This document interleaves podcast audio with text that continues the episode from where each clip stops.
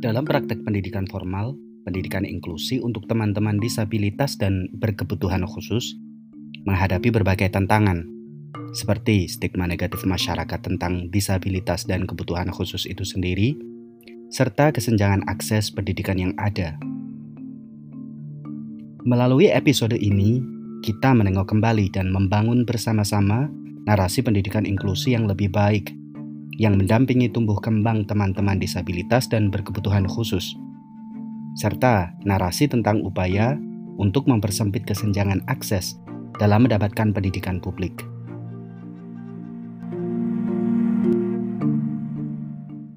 Halo, apa kabar Pak Edi? Halo, apa kabar? Iya, saya kabar baik dan bagaimana keadaan di masa pandemi dari ngajar terus uh, kegiatan pembelajaran seperti apa Pak Edi? Iya, uh, pada masa pandemi ini uh, kita dipaksa uh, untuk uh, pembelajaran lewat daring ya dalam jaringan gitu. Tetapi uh, dengan keterpaksaan itu akhirnya sebenarnya kita juga uh, ada ada peningkatan kompetensi ya uh, yang dulunya kita hanya terpaku kepada uh, offline uh, atau luring begitu ya dan sekarang kita upgrade skill dan sangat memungkinkan untuk uh, pembelajaran kapan pun dan di mana pun. Uh, bagi teman-teman papan tulis uh, kan ada yang belum kenal sama Pak Edi. Uh, silahkan Pak Edi untuk memperkenalkan diri. Oke, okay. terima kasih Mas Anwar atas kesempatan yang telah diberikan. Uh, perkenalkan ya, nama saya itu Edianto ya hanya delapan huruf ya hmm, saya sekarang sebagai dosen di Universitas Negeri Malang di jurusan pendidikan luar biasa sehubungan dengan itu maka eh, kegiatan sehari-hari saya adalah eh, melakukan pembelajaran eh, dan penelitian yang berhubungan dengan anak berkebutuhan khusus dan di sisi lain saya juga aktif di bidang pendidikan inklusi. Oke, ngomong-ngomong tentang background Pak Edi yang berhubungan erat dengan pendidikan luar biasa atau pendidikan khusus untuk teman-teman yang ber berkebutuhan khusus. Untuk memulai mungkin lebih mudahnya sebenarnya kalau melihat posisi pendidikan luar biasa secara general nih Pak di Indonesia itu posisinya seperti apa untuk pendidikan formal itu sendiri? Posisi pendidikan formal ya, hmm, baik. Uh, anak berkebutuhan khusus ya di Indonesia sekarang, uh, mungkin bukan sekarang ya, beberapa tahun yang lalu itu masih uh, terpisah ya, terpisah antara sekolah umum dan sekolah luar biasa. Uh, jadi anak-anak berkebutuhan khusus uh, contohnya anak yang tunanetra, tunarungu mereka uh, bersekolah di sekolah yang berbeda dengan anak-anak uh, pada umumnya gitu ya. Uh, mereka harus sekolah di sekolah luar biasa begitu.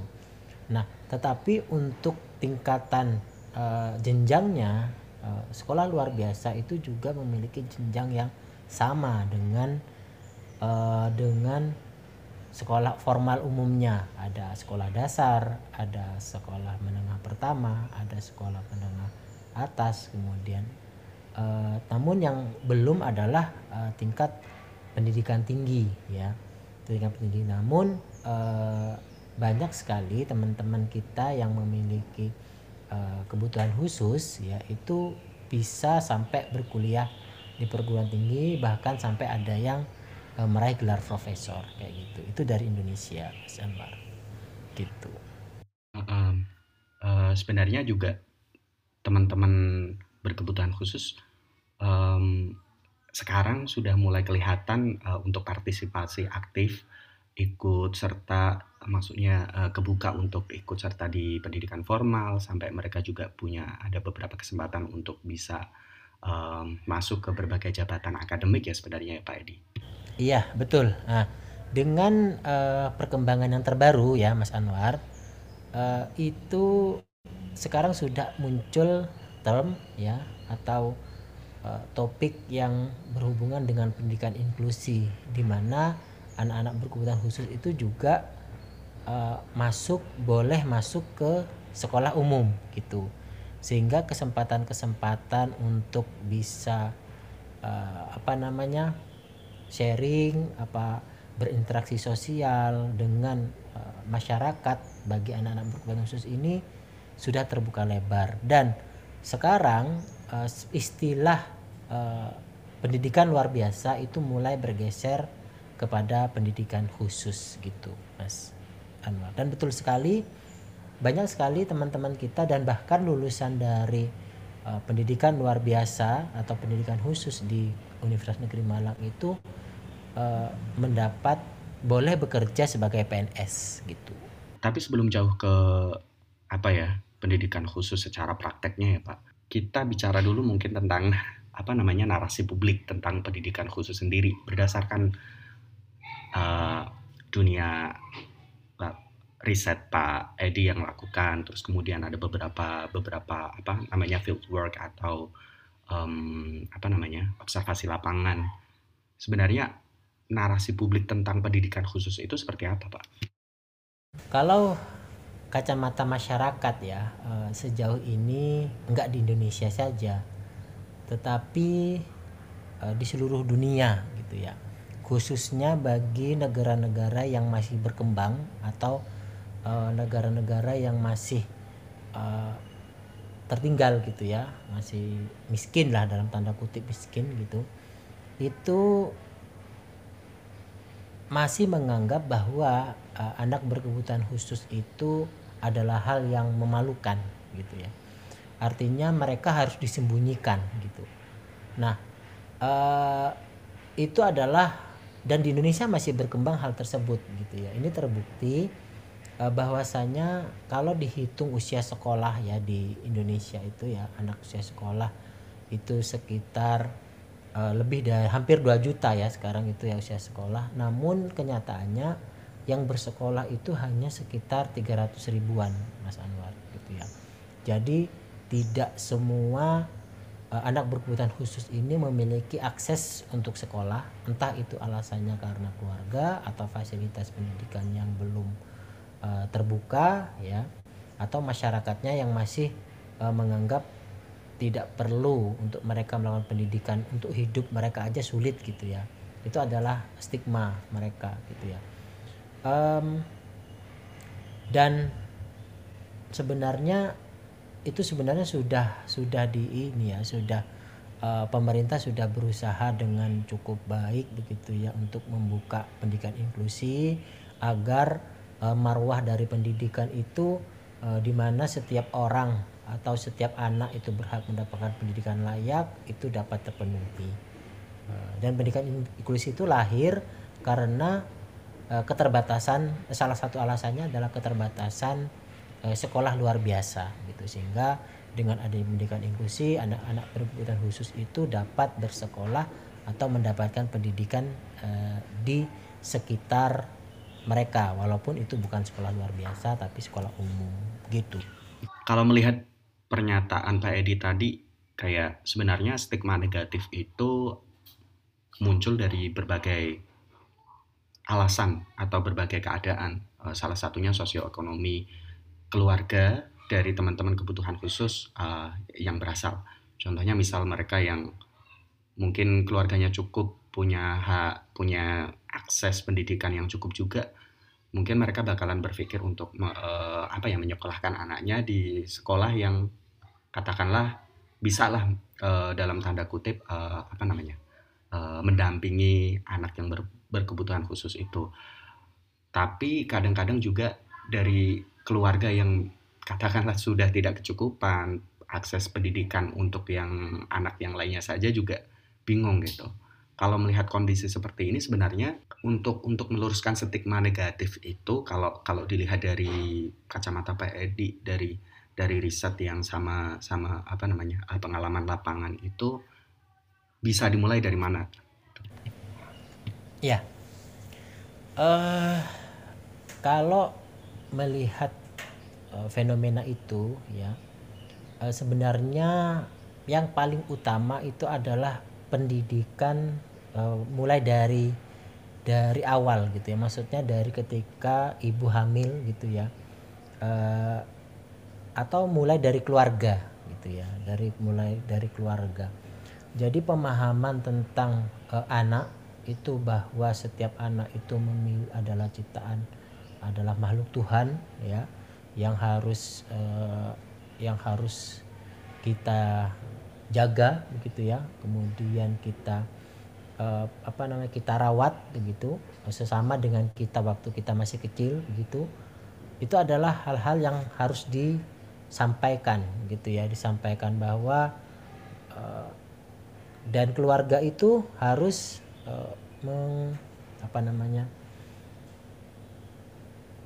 dari dari keluarga dulu gitu ya. Maksudnya dari keluarga dulu. Nah uh, sekarang begini Mas Anwar sekarang itu sebenarnya uh, pendidikan inklusi ya sudah uh, berjalan di Indonesia dan salah satu langkah yang yang bisa dilakukan untuk mengatasi uh, adanya stigma negatif itu adalah pembukaan pendidikan inklusi sebesar-besarnya dan itu sudah dilakukan. Kenapa kok demikian? Karena uh, apa ya? Uh, anak berkebutuhan khusus ini dianggap berbeda itu karena karena adanya pengkhususan gitu Mas Anwar.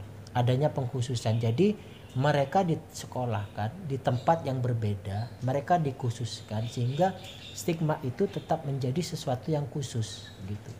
Nah, namun sekarang dengan adanya pendidikan inklusi, maka anak berkebutuhan khusus ini akan berada di tempat yang sama di dalam pendidikan di dalam pendidikan gitu. Nah, di situ mereka akan terbiasa ya, terbiasa untuk bergaul ya. Sehingga dengan keterbiasaan itu akan membuat lambat laun akan membuat uh, lingkungan sekitar itu akan menganggap itu adalah hal yang biasa gitu. Nah, dengan begitu artinya stigma-stigma itu akan mulai tergerus. Nah, stigma negatif itu akan mulai tergerus. Sehingga uh, saya yakin dengan pelaksanaan pendidikan inklusi ini mulai dari apa ya, perkembangan sosial anak bukan itu akan berkembang dengan baik gitu. Nah, dan artinya ya apabila ada uh, semakin banyak anak berkebutuhan khusus yang sekolah di sekolah inklusi, itu berarti salah satu indikator bahwa keluarga itu sudah menerima anak berkebutuhan khusus itu untuk tampil di publik begitu. Nah, itu adalah salah satu indikator. Dari penjelasan Pak Edi tadi kesannya eh, iya benar memang ada beberapa ada beberapa narasi yang kayak ngelihat bahwa sebenarnya pendidikan inklusi itu khusus kemudian jatuhnya memang anak-anak berkebutuhan khusus itu kayak jadi beda sendiri. Artinya kayak semacam malah jatuhnya jadi eksklusif terus kemudian kayak dikucilkan dalam tanda kutip oleh sistem. Um, kalau melihat praktek yang ada sekarang dari dari beberapa praktek yang ada sebelumnya contohnya misal gini pak. Uh, ada beberapa narasi yang mengatakan bahwa oh anak yang berkebutuhan khusus ketika mereka masuk ke sekolah khusus, sekolah yang yang katakanlah uh, siswanya itu semuanya berkebutuhan khusus, oh di dalamnya itu ternyata mereka dilatih untuk hal-hal yang secara praktikal itu untuk menyanyi, menjahit dan kawan-kawan itu ada narasi seperti itu di luar sana.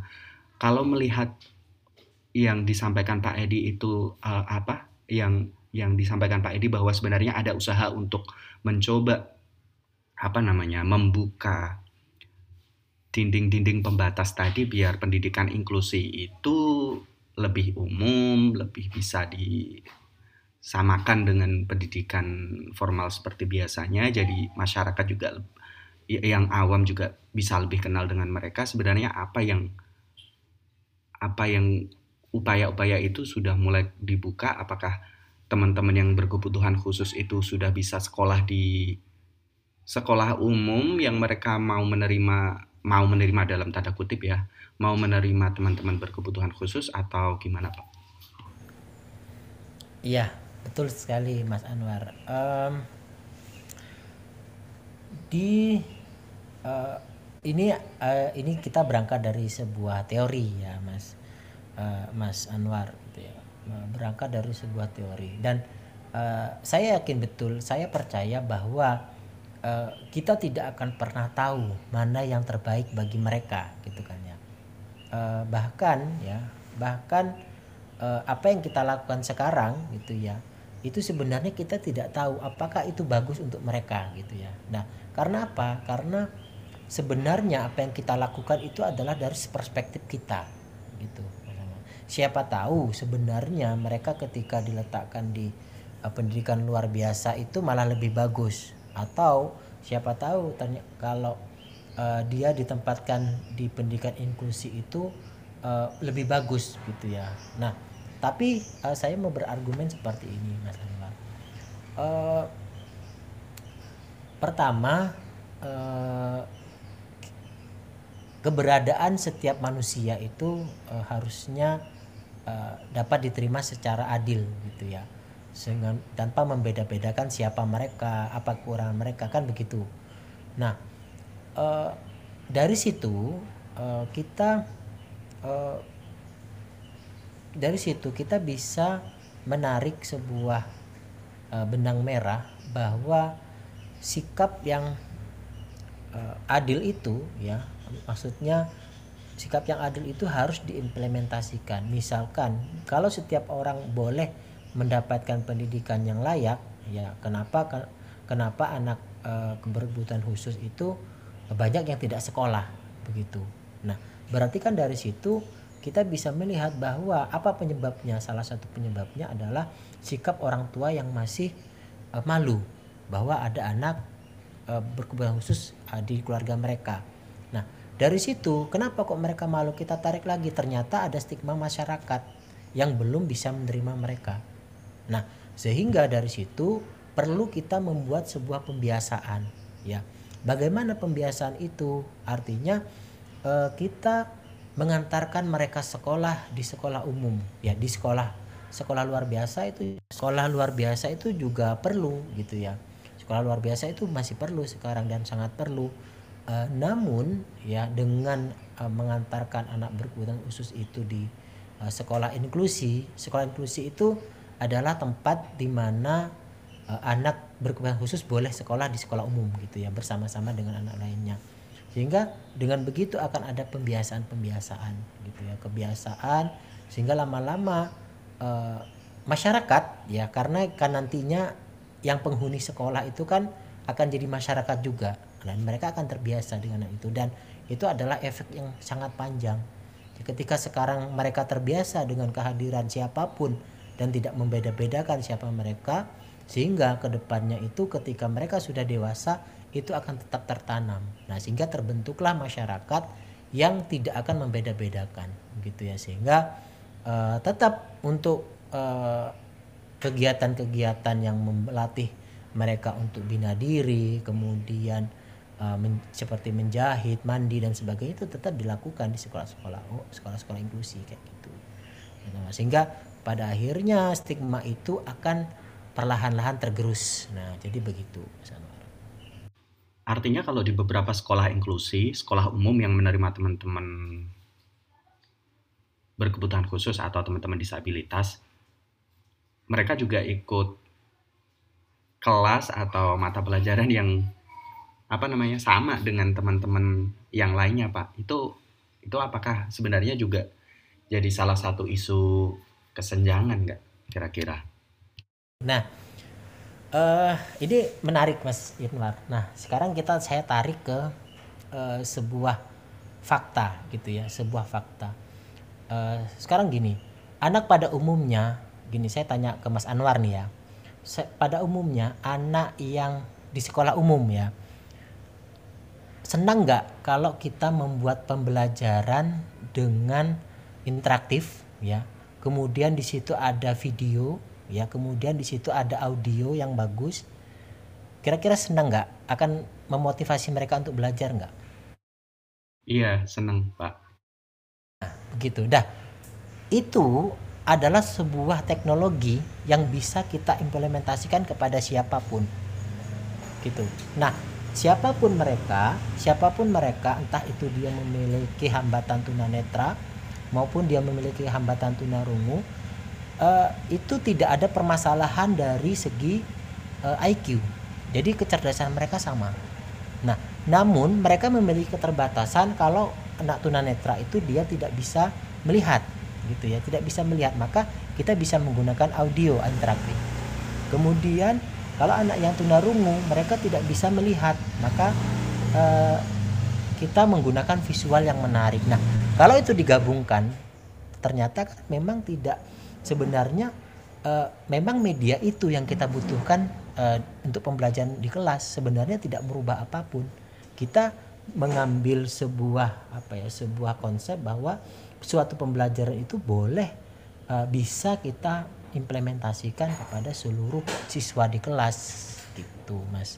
Mas Anwar kayak gitu. Jadi kalau anak-anak yang berkebutuhan khusus bisa belajar dengan baik anak pada umumnya juga tidak terganggu karena kita menggunakan metode ataupun media yang bisa mengakomodir itu.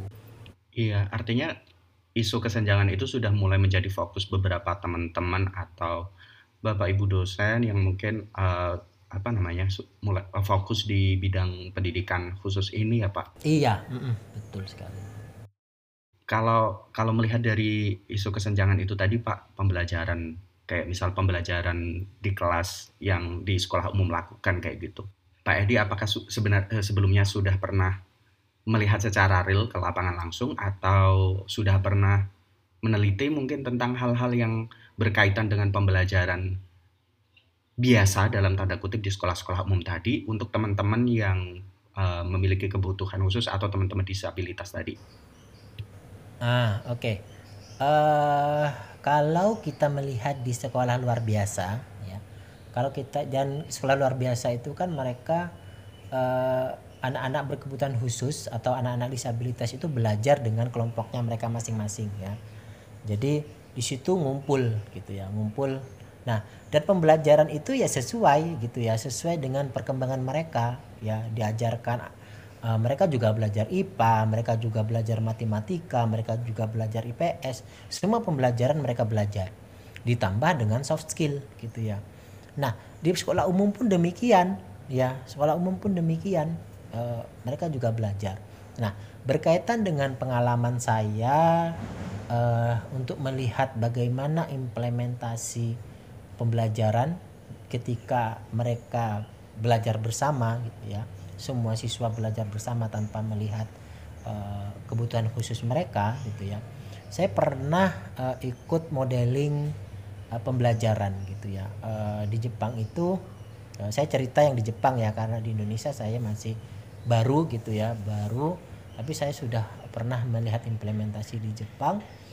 Uh, setiap anak itu uh, yang umum ya maksudnya setiap anak yang uh, memiliki tidak memiliki hambatan ketunaan gitu ya mereka dijadikan tutor ya.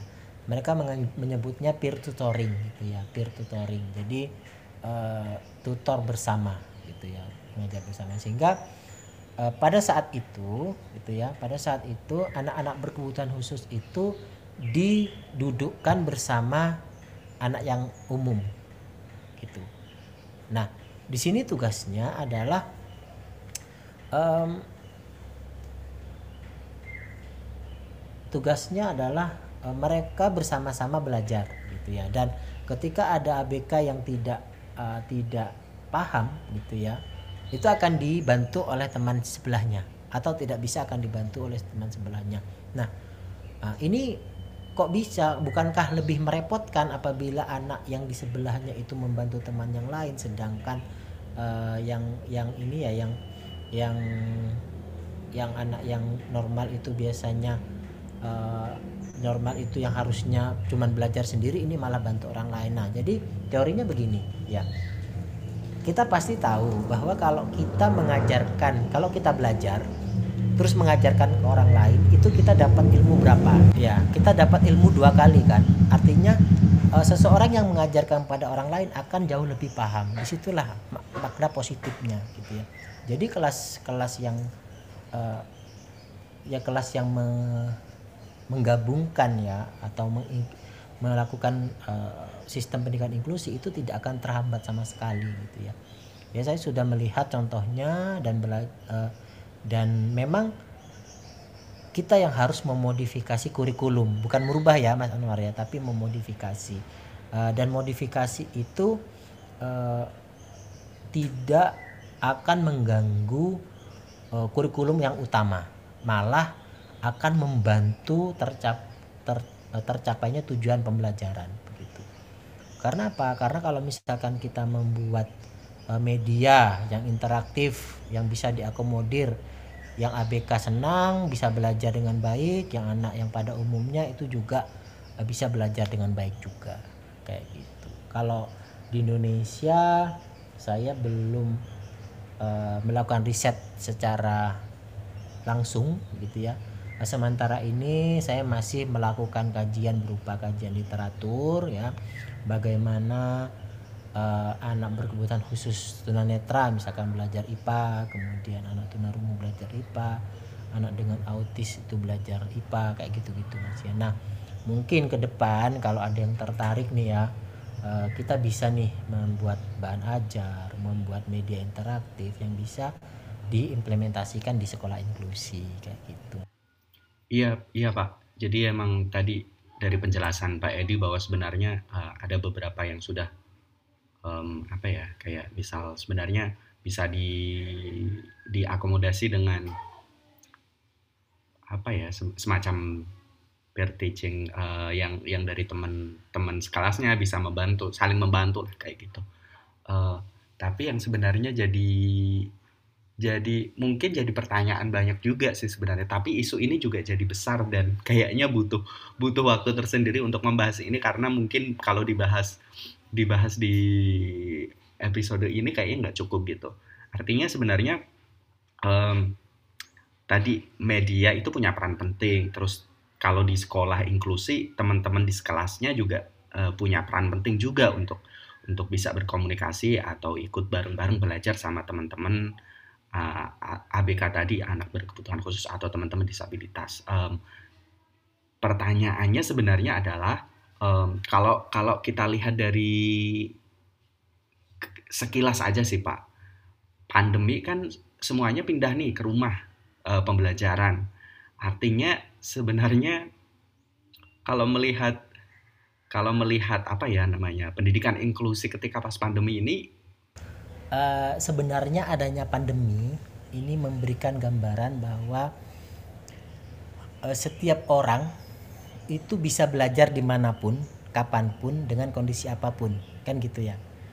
Nah sebenarnya adanya pandemi itu membuat kita sadar bahwa kita itu boleh belajar dengan cara apa pun, gitu ya. Kita boleh belajar uh, kapan pun dan di mana pun. Itu adalah makna eksplisit apa implisit yang terkandung dalam pandemi ini, gitu ya. Kalau dulu ya, kalau dulu misalkan gini, ada sekolah yang menolak siswa berkebutuhan khusus karena uh, sekolah akan kesulitan mengajari anak yang berkebutuhan khusus itu. Nah sekarang buktinya uh, buktinya mereka kalau misalkan belajar dari rumah pun sudah bisa gitu ya. Kemudian kalau ada sekolah yang menolak uh, misalkan anak yang berkebutuhan khusus dia memiliki uh, hambatan di kaki misalkan dia tidak bisa berjalan gitu ya. Uh, dan sekolah tidak bisa memfasilitasi itu. Buktinya sekarang uh, mereka bisa belajar dari rumah semua anak bisa belajar di rumah. Sehingga sebenarnya adanya pandemi ini sudah memberikan kita sebuah contoh real bahwa uh, pendidikan itu bisa dirasakan dengan uh, adil ya oleh semua siswa karena semua siswa bisa belajar dari rumah begitu ya. Kemudian sistem yang uh, kurikulum yang dulunya harus kita datang ke sekolah sekarang bisa di, dimodifikasi bisa belajar di rumah kurikulum bisa dimodifikasi. Berarti itu menunjukkan bahwa sistem kita itu sebenarnya atau pendidikan kita itu sebenarnya uh, harus uh, bisa mengakomodir semua siswa tanpa memandang siapa siswa itu dari mana asalnya dan sebagainya. Jadi itulah makna yang paling terpenting dari konsep pendidikan inklusi. Kita tidak pernah uh, membeda-bedakan siapa siswa, kekayaan mereka dan bagaimana. Uh, itu konsep yang ideal ya maksudnya Mas Anwar ya. Kita tidak memandang kebutuhan khusus mereka, latar belakang, suku, budaya dan sebagainya.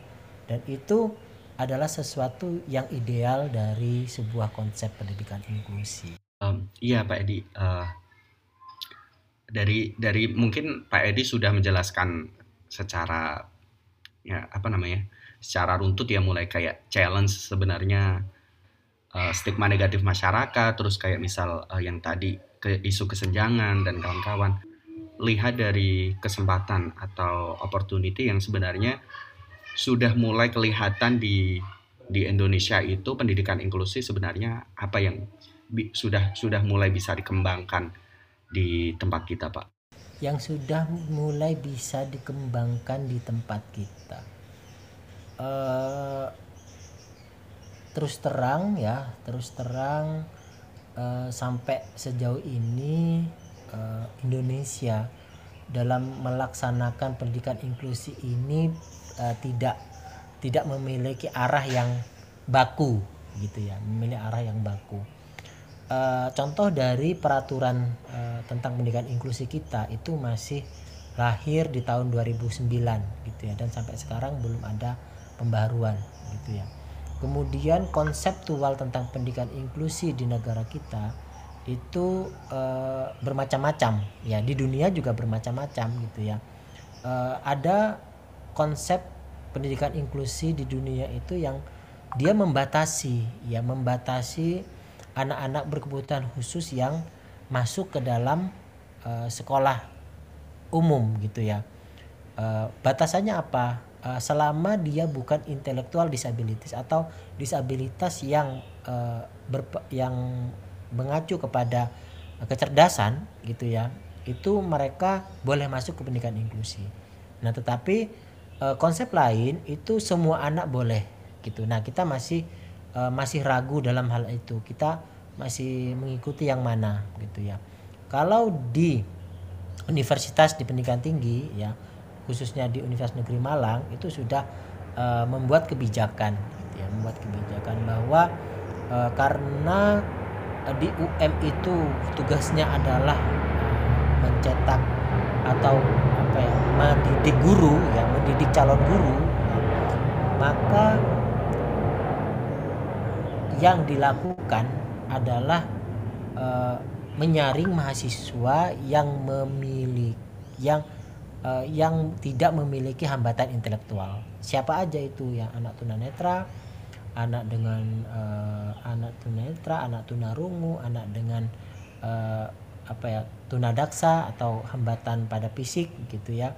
Kemudian yang lain adalah anak dengan autis gitu. Itu masih boleh diterima. Tetapi kalau misalkan dia slow learner kemudian dia uh, apa slow learner kemudian uh, cerebral palsy atau dan sebagainya itu uh, masih belum bisa diterima di pendidikan tinggi tapi untuk dari tingkat sekolah dasar sampai pendidikan tinggi eh sampai tingkat menengah itu uh, kita arahnya masih belum jelas. Karena di undang-undang itu uh, semua ya. Jadi semua anak boleh belajar di tempat uh, di sekolah umum. Nah, jadi sampai sejauh ini yang kita lakukan adalah masih berkutat kepada ke mana arah pendidikan inklusi kita karena ahli-ahli pendidikan inklusi itu masih sangat jarang ya. Rata-rata itu masih dari uh, pendidikan luar biasa dan uh, anggapannya itu adalah uh, sekolah di luar di pendidikan luar biasa itu masih lebih baik daripada di sekolah umum. Jadi kita masih ada apa ya semacam perbedaan pendapat gitu ya. Ada perbedaan pendapat dan tapi semua itu berjalan secara paralel gitu ya. E, pendidikan inklusi jalan, es, sekolah pendidikan luar biasa jalan kayak gitu. Jadi sebenarnya tidak ada masalah gitu ya. Makanya pertama saya tadi saya bilang bahwa e, kita tidak tahu mana yang benar gitu ya. Kita uh, hanya melakukan yang terbaik menurut kita kayak gitu. Dari perspektif kita bukan dari perspektif anak berkebutuhan khusus. Sehingga ke depannya sebenarnya kita harusnya uh, melakukan penelitian. Nah ini jadi kuncinya ya. Jadi sebenarnya kita harus bertanya dengan secara personal kepada mereka mulai uh, dari uh, jenis apa dari hati kita gitu ya bahwa kita harus bertanya kepada mereka mana yang paling baik menurut kalian jadi kita bisa melakukan riset uh, tentang apa sih yang sebenarnya mereka butuhkan sebenarnya pendidikan seperti apa yang mereka butuhkan apakah yang sesuai dengan uh, kelompok mereka ataukah pendidikan inklusi ini. Oke, terima kasih Pak Edi atas narasinya tentang pendidikan inklusi di Indonesia.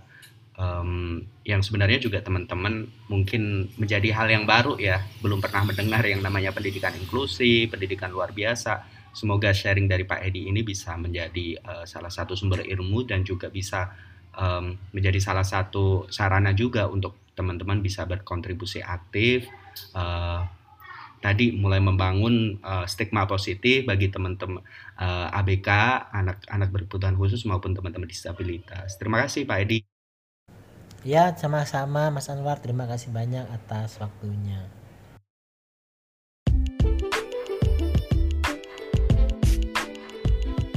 Terima kasih telah mendengarkan dan ikut serta membangun narasi pendidikan yang lebih baik lewat papan tulis. Ikuti kami di Instagram at papan tulis podcast. Dan juga ikuti episode-episode papan tulis dari mana pun teman-teman mendengarkan podcast.